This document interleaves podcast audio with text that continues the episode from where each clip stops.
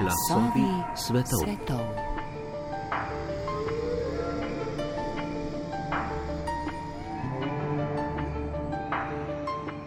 Femicidi niso osamljeni primeri družinske drame, ampak umori žensk, inter, nebinarnih ali trans oseb zaradi njihovega spola ali spolne identitete.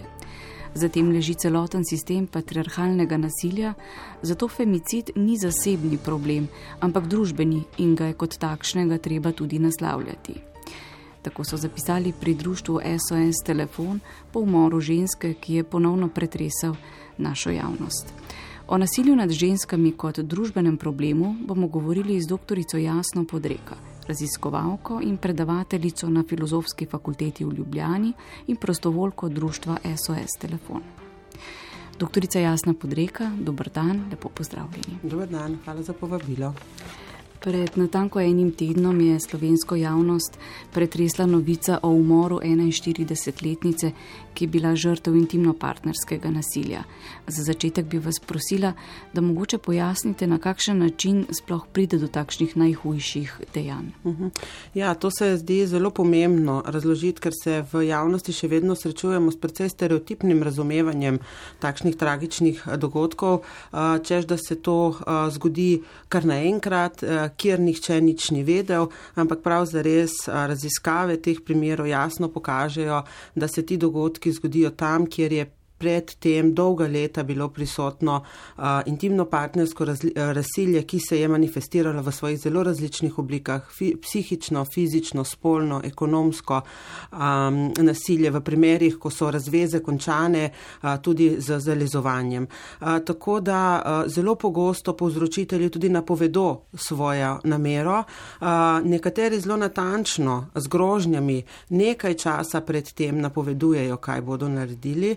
Uh, Um, tako da tukaj ne moremo govoriti o nekih um, trenutnih situacijah, uh, ampak o nekim vrhu ledene gore v nekem predhodno prisotnem kontinuumu uh, nasilja, uh, ki se je torej praviloma dogajal uh, dolgo časa prej. V nekaterih medijih smo lahko brali, da gre za ljubosumje, da je šlo za umor iz strasti, za družinsko tragedijo, hmm. ampak femicid ni umori strasti ali pa nesrečne ljubezni. Ne? Tako ne. To je nekaj, kar se že vse čas raziskovalke in raziskovalci to vrstnega področja borimo, tudi z mediji, tudi širšo javnost, da je to popolnoma napačno razumevanje in popolno napačno pošiljanje sporočil javnosti. To povezuje te neke romantične predstave, ki so prisotne tudi v filmski produkciji, knjižni produkciji, ne? teh umorov iz strasti, ko nekdo naj bi tako zelo močno ljubil nekoga, um, da ga pelje tudi v skrajnosti. Tega v realnosti tako rekoč ni. Jaz pravim, v realnosti uh, govorimo o femicidih, ki so posledica intimno-partnerskega nasilja. Tudi če bi morda lahko govorili o nekih teh ekstremnih oblikah ljubosumja, patološkega ljubosumja, niso nikakor povezani z izgubo ljubljene osebe, ker v to vrstnih razmerjih lahko da na začetku, jaz ne izključujem, da na začetku bila, je bilo lahko prisotno tudi neka vrsta ljubezni ljubezni. Ampak kasneje, ko se to razvije v nasilje, ne, o ljubezni prav zares ne moremo govoriti. In takšni podarki prav zares potem naš fokus odmikajo od realnega fokusa, ki je fokus nasilja. In uh, nobenega drugega romantičnega ali ljubezenskega konteksta tukaj zraven ni. V vodu odajo sem eh, napovedala, da bova govorili o femicidu eh, in o nasilju zaradi spola. Žrtve oblik nasilja z višjo stopnjo ogroženosti, kot so umori v družini, intimno-partnerski umori, posilstva in hujše oblike nasilja v družini, so v skoraj 90 odstotkih ženske. Ja, to mi opozarjamo, ker veliko krat um, se na nas zgrnejo očitki, da s tem, ko govorimo o femicidih in nasilju nad ženskami, da podcenjujemo resnost nasilja nad moškimi ali da uh, zdaj dajemo v spredje samo to. Seveda ne, ne. Mi vedno opozarjamo, vsakršno nasilje je potrebno uh, obravnavati in vsakršno nasilje je enako resno in problematično. Vendar pa se nam zlasti ne, na področju sociologije, ko se ukvarjamo z nekimi družbenimi ženskimi problemi, opažamo, da se na področju nasilja in če kriminaliteto in nasilje pogledamo skozi prizmo spola, vidimo, da se nam pokažejo pomembne razlike in da uh, ženske ali osebe zaradi svoje spolne identitete, ki se identificirajo z ženskim spolom, so uh, žrtve določenih spolno specifičnih oblik nasilja v bistveno večjem deležu kakor moški. To so recimo intimno partnersko nasilje, spolno nasilje, po svetu poznamo recimo um, kršenje reproduktivnih pravic, uh, pohabljanje ženskih genitalij in tako dalje. In to so tudi tisti razlogi, ki so najpogostejši razlogi za prezgodnje in nasilne smrti žensk ne, kar za moške ne velja. Um, in zato so se že zgodaj v Ameriki, tam v 60-ih letih, prve aktivistke, feministične aktivistke, um, začele opozarjati, prav zares pa pojem femicid najdemo že v 19. stoletju v angliškem slovarju, ne, ki ga je potem v največji meri raziskovalka doktorica, žal pokojna Diana Russell, a, a, potem razvila v termin, ki je pridobil neko aktivistično, znanstveno in politično noto. Smislu, da opozorimo na to, da so ženske žrtve umorov predvsem zaradi lastnega spola in kot posledica nekega spolno specifičnega nasilja. In če pogledamo ne, a, torej, a, statistične podatke, vidimo, da je za ženske največja verjetnost, da bo umorjena sa strani a, intimnega partnerja ali nekega drugega intimnega člana. Ne.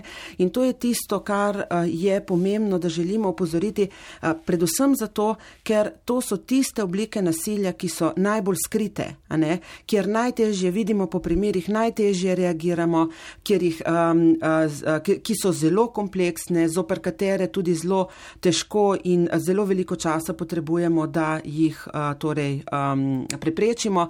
In uh, zato je ta uh, pojem in termin, vsaj kolikor ga jaz razumem, interpretacije so različne, ampak uh, po mojem mnenju je pomemben iz tega aktivistično-političnega momenta, ne, da torej osvetli problem, ki v večini še vedno ostaja precej skrit skrit. Kako se pravzaprav začne patriarhalno nasilje, če ga lahko poimenujem s to besedo? Ja, um, v bistvu jaz bi tako rekla, kako se začne, je lahko zelo različno. Ne? Ampak um, jaz bi rekla, da je skupno jedro to vrstnih oblik nasilja ta, da se generira na nesorazmerjih moči. Ne?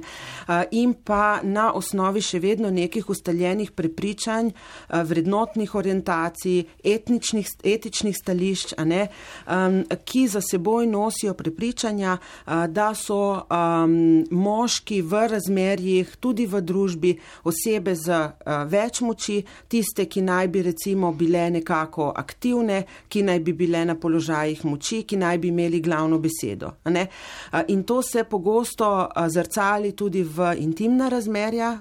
Seveda to ne pomeni, da so vsi moški nasilneži, daleč od tega. To je tudi en pomemben podarek, ki se mi ga zdi uh, pomembno uh, torej izpostaviti, um, da uh, seveda tukaj mora priti neka kombinacija dejavnikov, ne, ki potem moškega z takšnimi prepričanji tudi potem vodijo v, v uporabo nasilja v zasebni sferi, ampak jedro, ne, torej tu se povežejo neke uh, osebnostne vedenske uh, motnje in značilnosti, visoka toleranca do nasilja, ampak jedro vsega tega so pa njegova prepričanja. To, da si on lahko to dovoli kot moški v uh, intimnem razmerju.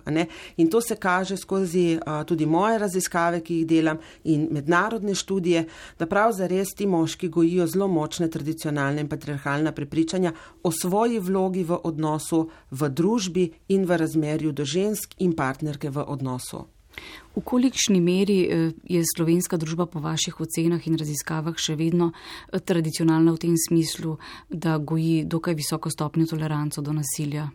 Jaz si upam trditi in sem v tem smislu pozitivna, da um, v večjem deležu smo vendarle naredili korak naprej, uh, da vendarle uh, beležimo neko višjo stopnjo senzibilizacije na tem področju, da beležimo tudi več um, nekega razumevanja, razumevanja pomena drugačnih družbenih ureditev, bolj enakopravnejših odnosov, vendar pa še vedno opažamo, da v pomembnem deležu se ti patriarhalni, tradicionalna prepričanja močno še ohranjajo.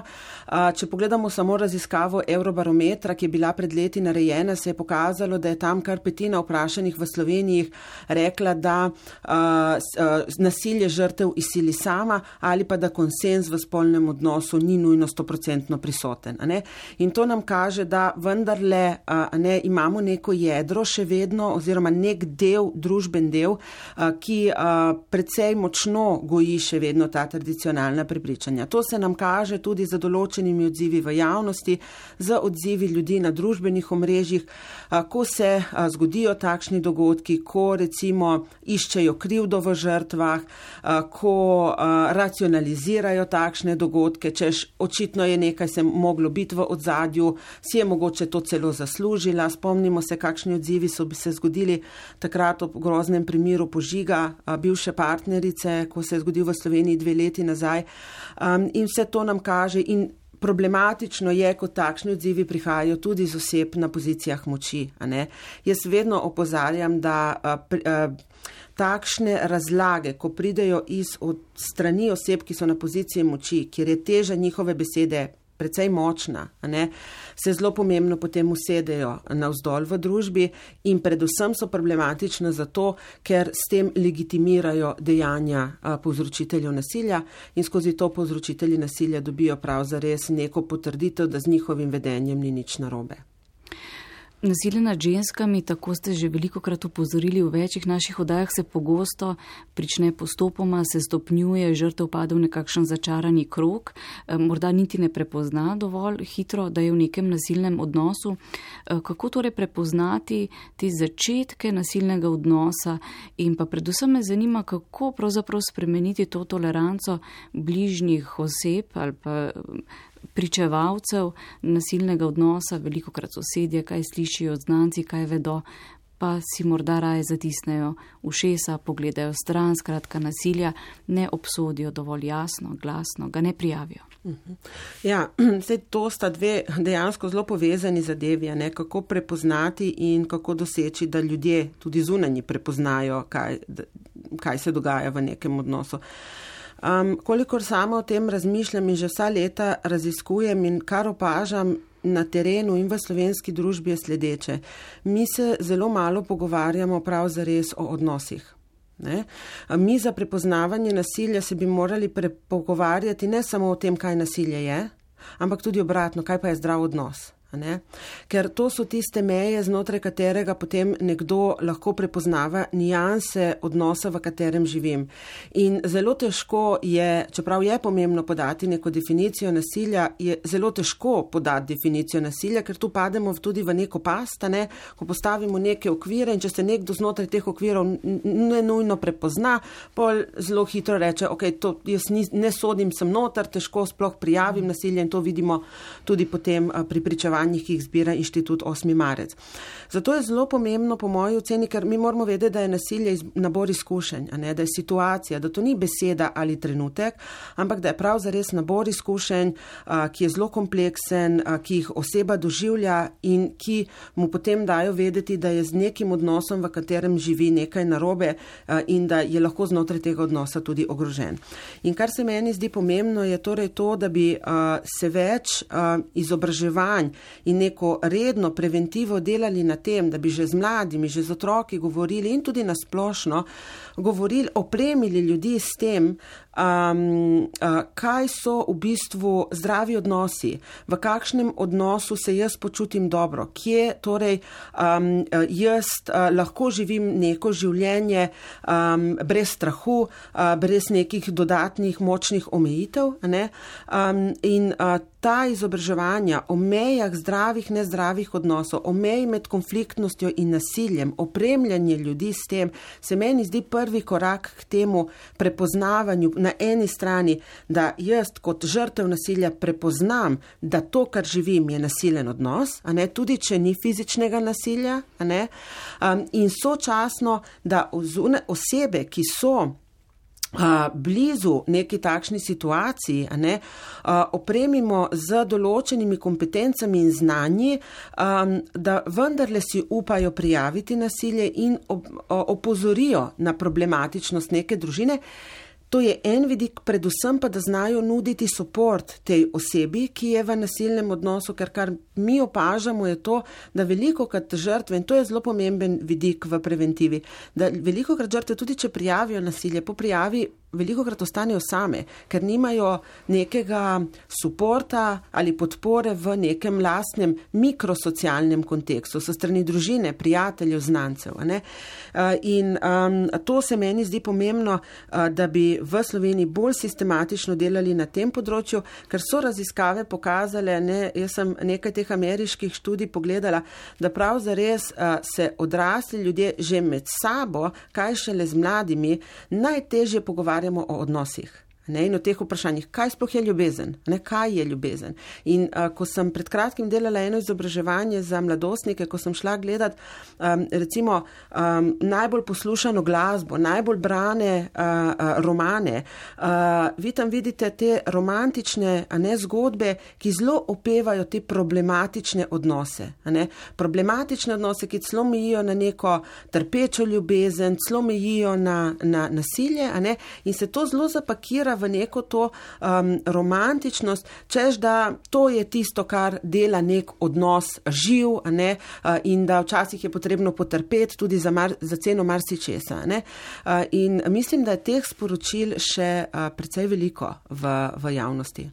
Doktorica Jasna Podreka, eh, zdaj, ko govorite o pomenu izobraževanja preventive, sem se spomnila, pred kratkim sem posnela pogovor eh, z islandsko predstavnico njihovega društva za enakost spolov in mi je povedala, da so islandske šole, srednje šole, osnovne šole, zdaj pa morda celo vrci, eh, tisti, ki bodo sprejeli nekakšen kurikulum, se pravi predmete, znotraj katerih se bodo učili o enakosti spolov, o nenasilju v odnosih in tako dalje. Ja, to, to se mi ja. zdi, meni osebno se to z vidika preventive nasilja uh, zdi ključno in najpomembnejše, uh, ker samo tako bomo lahko dosegli na eni strani to empatijo ljudi do sočloveka, na drugi strani glede teh vprašanj, na drugi strani pa tudi opremili, tako kot sem rekla, ljudi z določenimi znanji, ki so izjemno pomembna ne, in eh, vedenji o tem, um, v kakšnih odnosih si, si želimo živeti. Ne.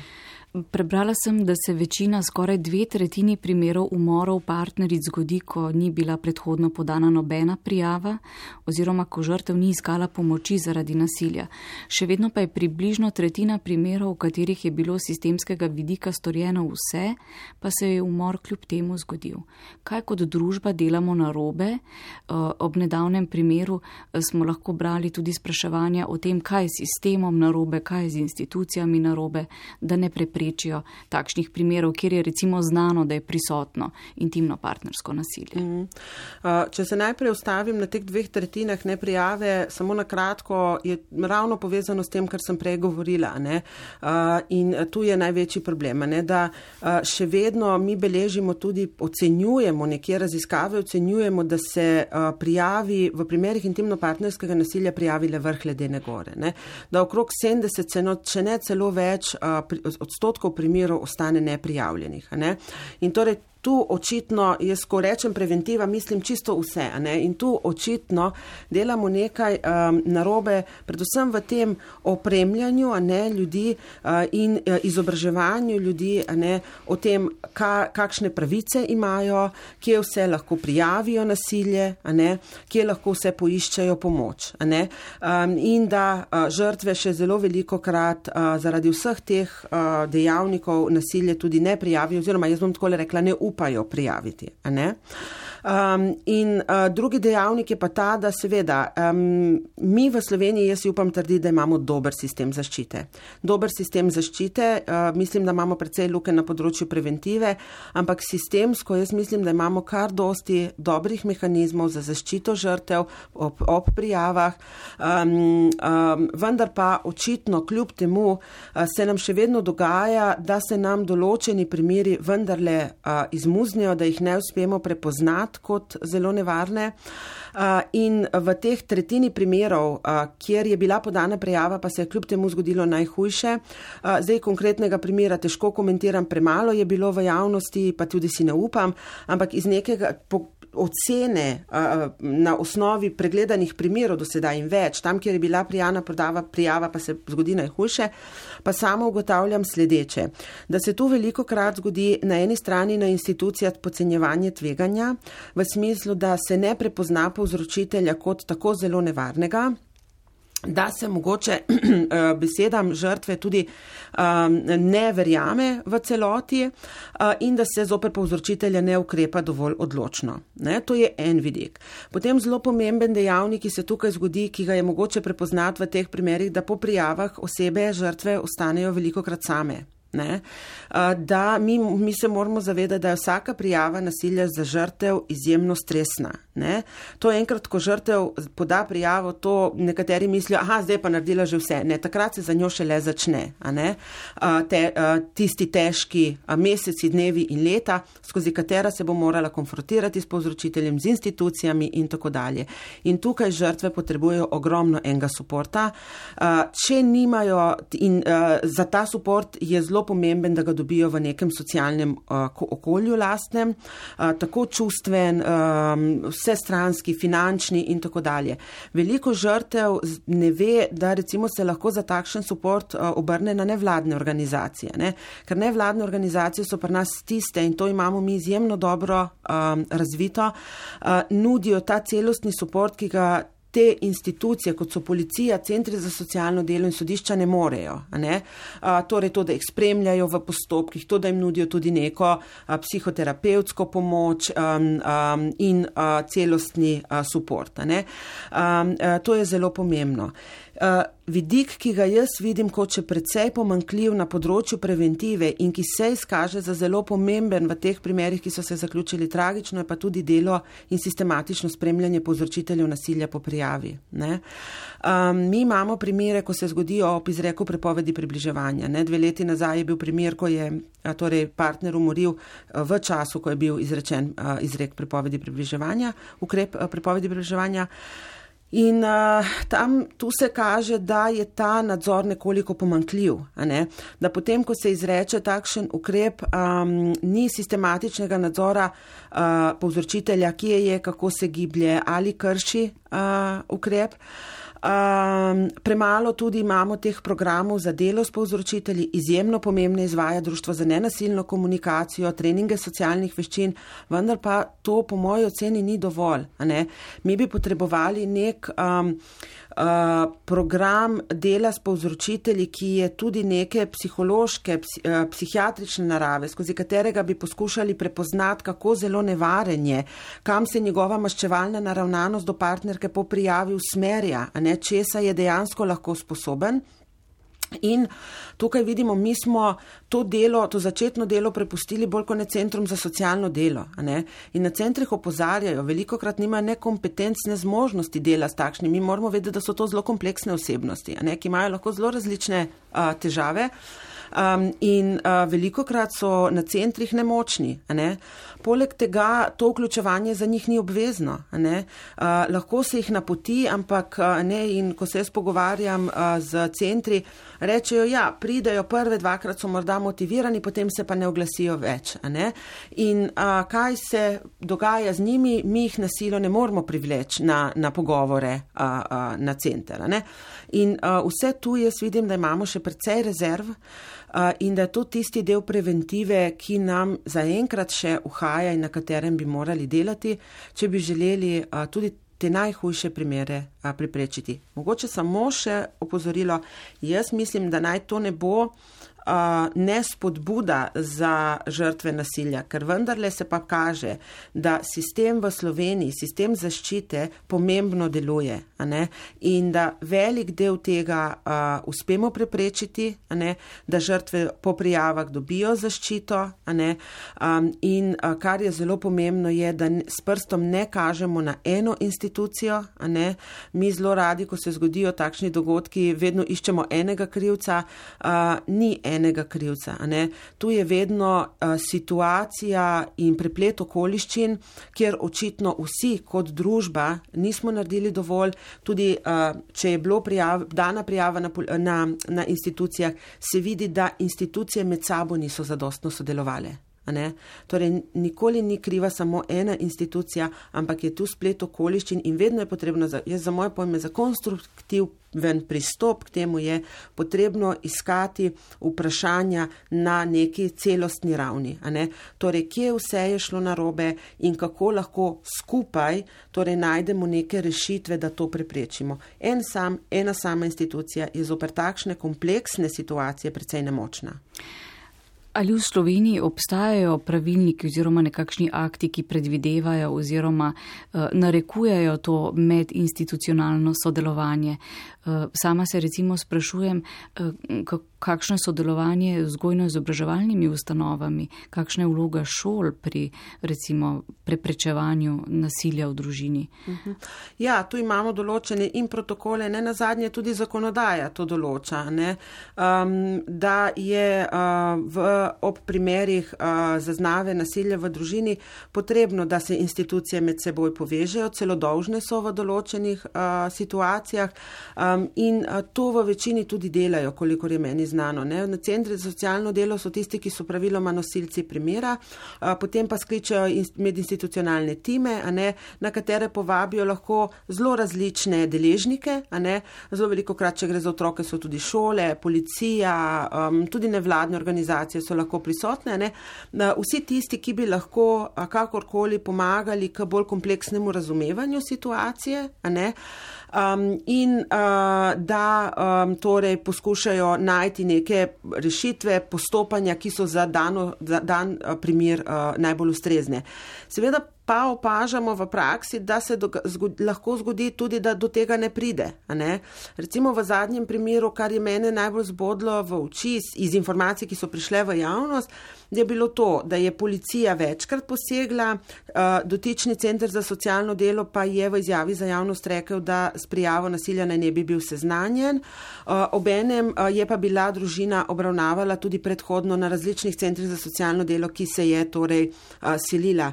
To pomeni, da to vsaj iz tega, kar lahko da se tudi motim, prepuščam to, ampak iz informacij, ki so prišle v javnost, ki so, ki so jih same institucije dale, očitno ta medinstitucionalno sodelovanje ni steklo. Um, prav tako se tu sprašujem, kje je bila torej tudi šola, glede na to, da so ti otroci živeli v precej hudem nasilju, za katerem so znali povedati, znajo vsi sosedje in okolica.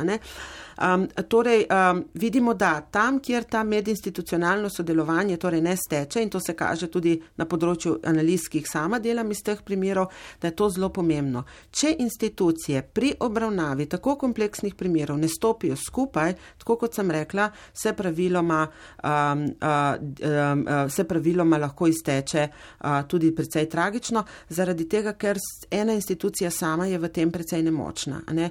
Mi moramo vedeti, jaz to vedno opozorjam, opozarjam, enostavno je biti pameten, seveda iz uh, lastnih stolčkov, ampak delo na terenu je precej kompleksno. Uh, jaz, um, predvsem centri za socialno delo in policija imajo najteže naloge na tem področju. In uh, centri za socialno delo, ko morajo na teren, Ne, ko se vi pogovarjate z delovkami iz centrov socialno delo, reče, mi se veliko krat tudi osebno počutimo ogrožene. Uh, najtežje je rekle so, ne vem, primeri oduzema otroka, to si nobena od nas ne želi. Ne? Verjetno si težko tudi predstavljamo, kako težko je to um, izvest kot uh, delavec na tem področju, delovka na tem področju. Tako da um, je tu um, medinstitucionalno sodelovanje ključnega pomena, da si institucije pomagajo med sabo na način, da komunicirajo in pridobijo čim več informacij o primeru, uh, zato da potem so lahko uspešni v ukrepanju. Um, uh, zato uh, jaz pravim, tukaj v praksi očitno se nam dogajajo še luknje, da ta medinstitucionalno sodelovanje ne steče, ko bi moralo. Koliko je v takšnih primerjih pomembna senzibilnost eh, okolice, bližnjih, eh, sosedov, prijateljev, znancev, ki vedo, da se nasilje dogaja, po takšnih najhujših, tragičnih primerjih veliko krat poslušamo, ali da bodi si niso ničesar slišali in videli, ničesar vedeli, ali da so vedeli in grožen niso jemali za res. Uh, ključna bi si jaz upala trditi, uh, ker um, mi moramo vedeti, pred časom je društvo SOS telefon organiziralo posvet o pomenu prve prijave, ali celo bomo tako rekli o pomenu prvega zaupanja, ko se žrtev prvič zaupa, da doživlja nasilje v zasebni sferi. Um, in uh, to, komu bo prvemu povedala in kakšen odziv bo doživela ob, pr ob tej prvi izpovedi, je lahko ključno za vse njene nadaljne korake. Ne? In ne malo krat se srečujemo z zgodbami, ko žrtve rečejo, zakaj so potem toliko časa še ustrajale, ko žrtve rečejo, ja, sej, ko sem prvič povedala, ne vem, svoji mami, svoji prijateljici, mi je rekla, sej ni tako hudo potrpi, sej, sej vendarle ni slab, ne? sej vendarle um, um, se drugače tudi razumeta. Um, uh, in veliko krat minimalizirajo resnost besede žrtve uh, in uh, tu je povezano s to še vedno precej visoko toleranco, predvsem nasilja, ki se dogaja v zasebni sferi, ker ga veliko krat enačimo s konflikti, z običajnimi konflikti. Češ ne sej pač sta se skregala, ne? on je mogoče malce več izbruhnil, ampak zagotovo je tudi ona nekaj rekla, da je izbruhnil. Ne? In um, tu, to zamejevanje je potem posledica tega, da smo nesenzibilni in še en pomemben vidik je, kar, na katerega jaz opozarjam, da praviloma osebe, ki so bli, v bližnjem socialnem krogu, poznajo oba, tako povzročitelja kot uh, žrtev. In uh, veliko krat uh, se to nasilje dogaja samo v zasebni sferi. Ta oseba je nasilna samo znotraj partnerskega odnosa, do drugih je lahko zelo, zelo prijazen, čisto v redu. Ne?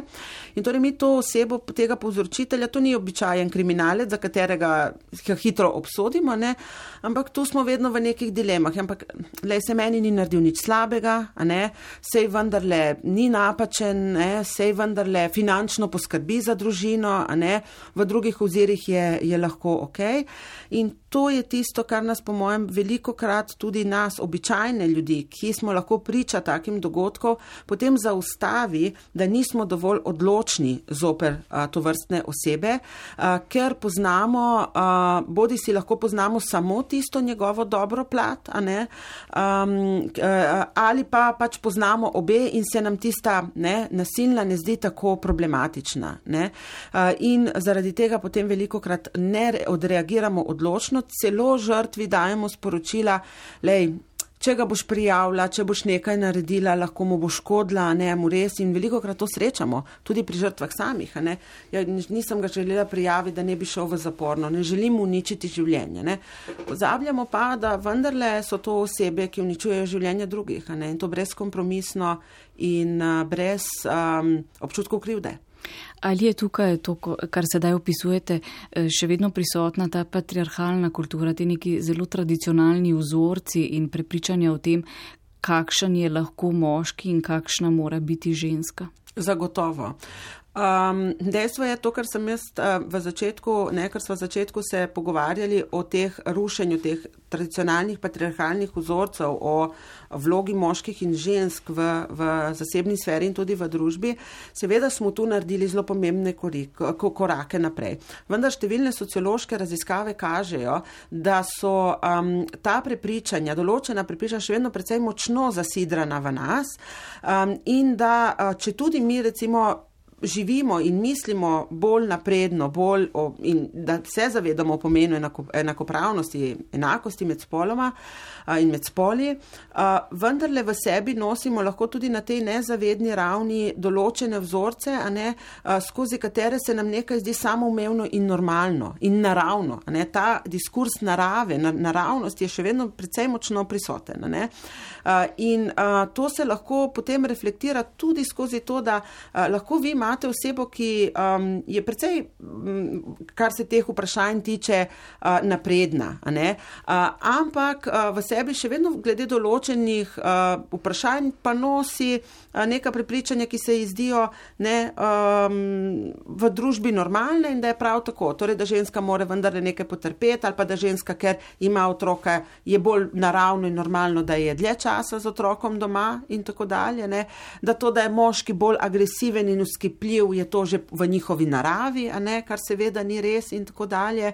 Um, in da za voljo neke družine, ne, to okrog družine imamo še zelo močna ta tradicionalna prepričanja, kot tiste svete celice, v katero naj se ne umešavamo. Ne, um, uh, in potem izhaja iz tega, da, dejmo, da je potrebno tudi malček potrpeti, da vendarle ni tako hudo. Ne. In um, to se zelo zrcali potem tudi to, da smo manj uh, senzibilni do, do vprašanja nasilja, ki se dogaja v, v zasebni sferi um, in da ga tudi bolj pogosto spregledamo. Uh, in um, tu jaz mislim, da je ta osnovni problem. Zato jaz pravim, da je tako pomembno, oziroma pač na področju sociologije se opozarja, kako pomembno je preizpraševanje, ne, ne samo toliko izobraževanje, to, da jaz vas uh, učim in uh, vam razlagam, kaj bi bilo bolj pravilno, ampak prav zares, da se preizprašujemo, a je zdaj to, kar jaz mislim in doživljam, um, res tisto, kar je naravno in res mora tako biti, ali je lahko tudi kako drugače, um, da je lahko recimo moje življenje um, in ne na zadnje življenje ljudi uh, boljše, bolj enakovredno uh, um, in uh, um, nekako uh, tudi, bom rekla, um, ne vsebuje nekih škodljivih vzorcev in vedenskih vzorcev znotraj njega. Ne. Doktorica Jasna Podreka, eh, govoriva torej o, danes govoriva o femicidih, umorih žensk, nasilju zaradi spola.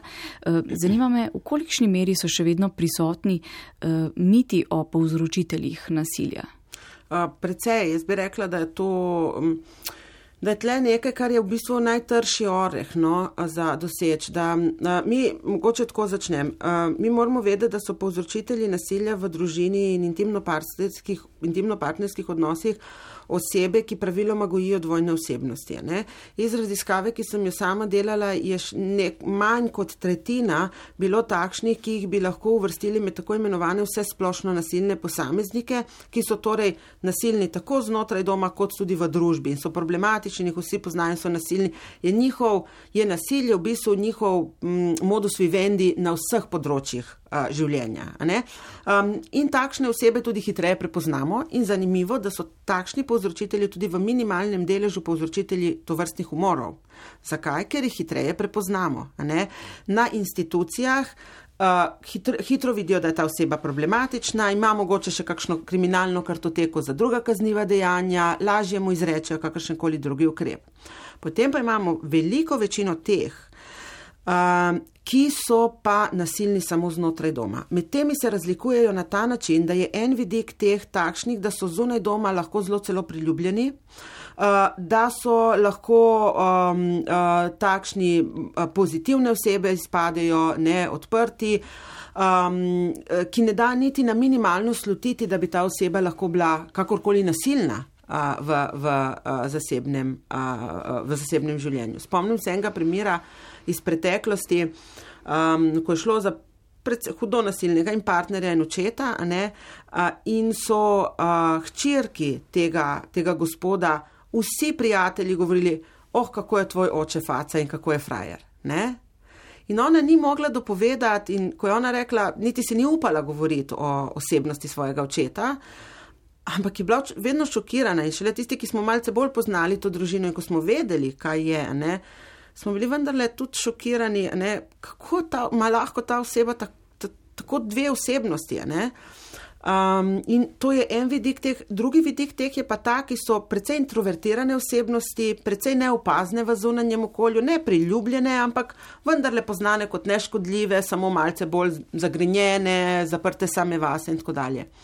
In to so tudi tiste osebnosti, ki najbolj zavedajo na institucijah, kot tudi, če pride do prijave nasilja. Med temi imamo lahko tudi precej uspešne posameznike, ne, kjer sploh ne posameznike na pozicijah moči, kjer pol na institucijah sploh težko verjamejo ne, in se potem seveda na institucijah srečujejo z dvema, um, dvema zgodbama, ne, ki so si diametralno nasprotni. Ne.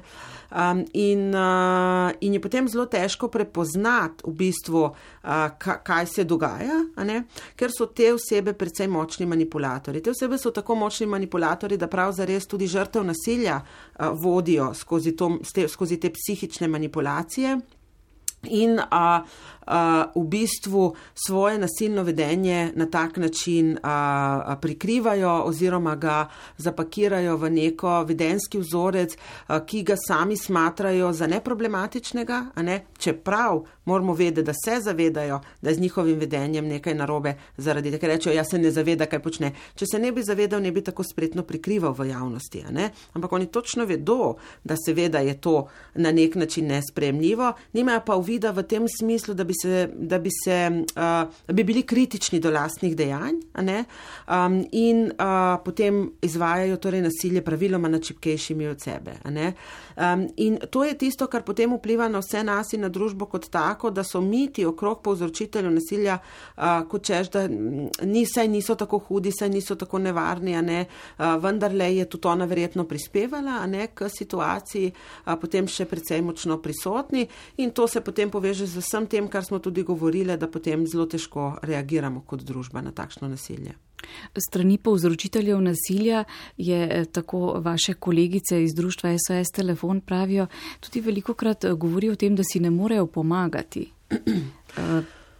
Ja, sej zagotovo. Jaz um, ne trdim, uh, jaz bom tako le rekla, uh, ta, ta, da si ne morejo pomagati, a ne bi jaz prevedla v to, da torej nimajo uvid v lastna uh, uh, dejanja uh, na nek način, da so nekritični uh, in zagotovo del njih, um, in to kaže tudi o programi Društva za nenasilno komunikacijo, ne, zagotovo del njih uh, se lahko tudi vedensko spremeni. Um, in, ampak tako kot, tako kot pravijo, ne, sami do tega ne morejo priti. Oni tukaj rabijo resno strokovno pomoč. In kar je napačno, je prepričanje tudi, ki se pojavlja pri žrtvah in okolici, da bo žrtev, to je zelo prisotno, da bo žrtev spremenila povzročitelja nasilja. Da vendarle, ne, ker ima tudi tisto dobro plat, ne, ki se pokaže v, v odnosih, da vendarle, če bo ona spreminjala sebe in če, če bo probala nekako ga zadovoljiti v vseh teh njegovih zahtevah, da ga bo vendarle spremenila spremenila. In mi najdemo cel kup neke tudi mainstream literature in filmov ne, na to temo, ki se kot najbolj romantični del takšnih problematičnih zgodb pokaže to, da ženska spremeni povzročitelja nasilja v odnosu in da se on za voljo ljubezni do nje spremeni. Ne. Tega v realnosti skoraj ni. Ne? Torej, nekdo, ki povzroča nasilje, mi moramo vedeti, da ni, ni oseba, ki ima samo neke prehodne težave, ampak je oseba, ki ima resne osebnostne in še kakšne druge težave a, sam seboj in da če želi spremeniti to vedenje, potrebuje resno strokovno pomoč um, in da uh, ženska v odnosu uh, nikakor že zaradi dinamike odnosa in uh, vseh uh, dejavnikov, ki so tu prisotni, tega ne more doseči uh, in da kar se lahko zgodi je, da se nasilje samo stopnjuje in to se potem tudi kaže. Ne. Doktorica Jasna Podreka, kot smo na našem radiju že večkrat poročali, je intimno partnersko nasilje, nasilje v družini v zadnjem letu, v zadnjih dveh letih močno naraslo.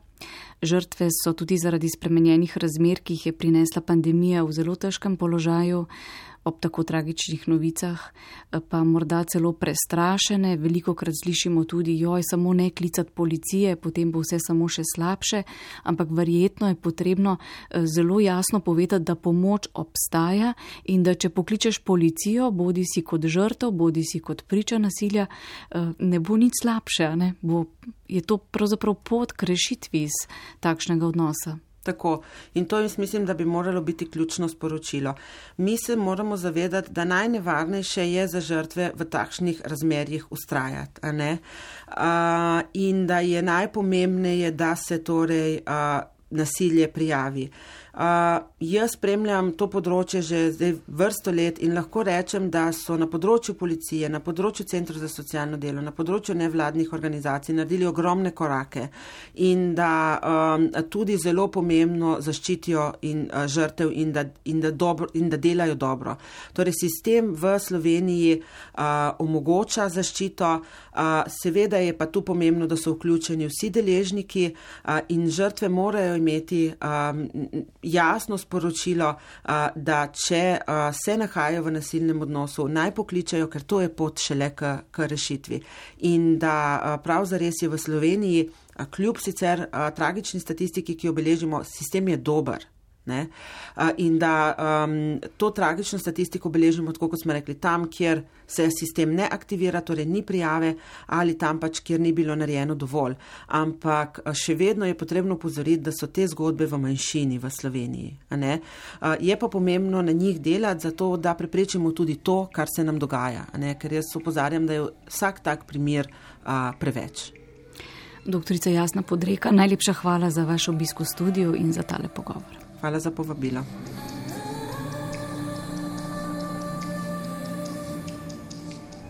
Glasovi svetov. svetov.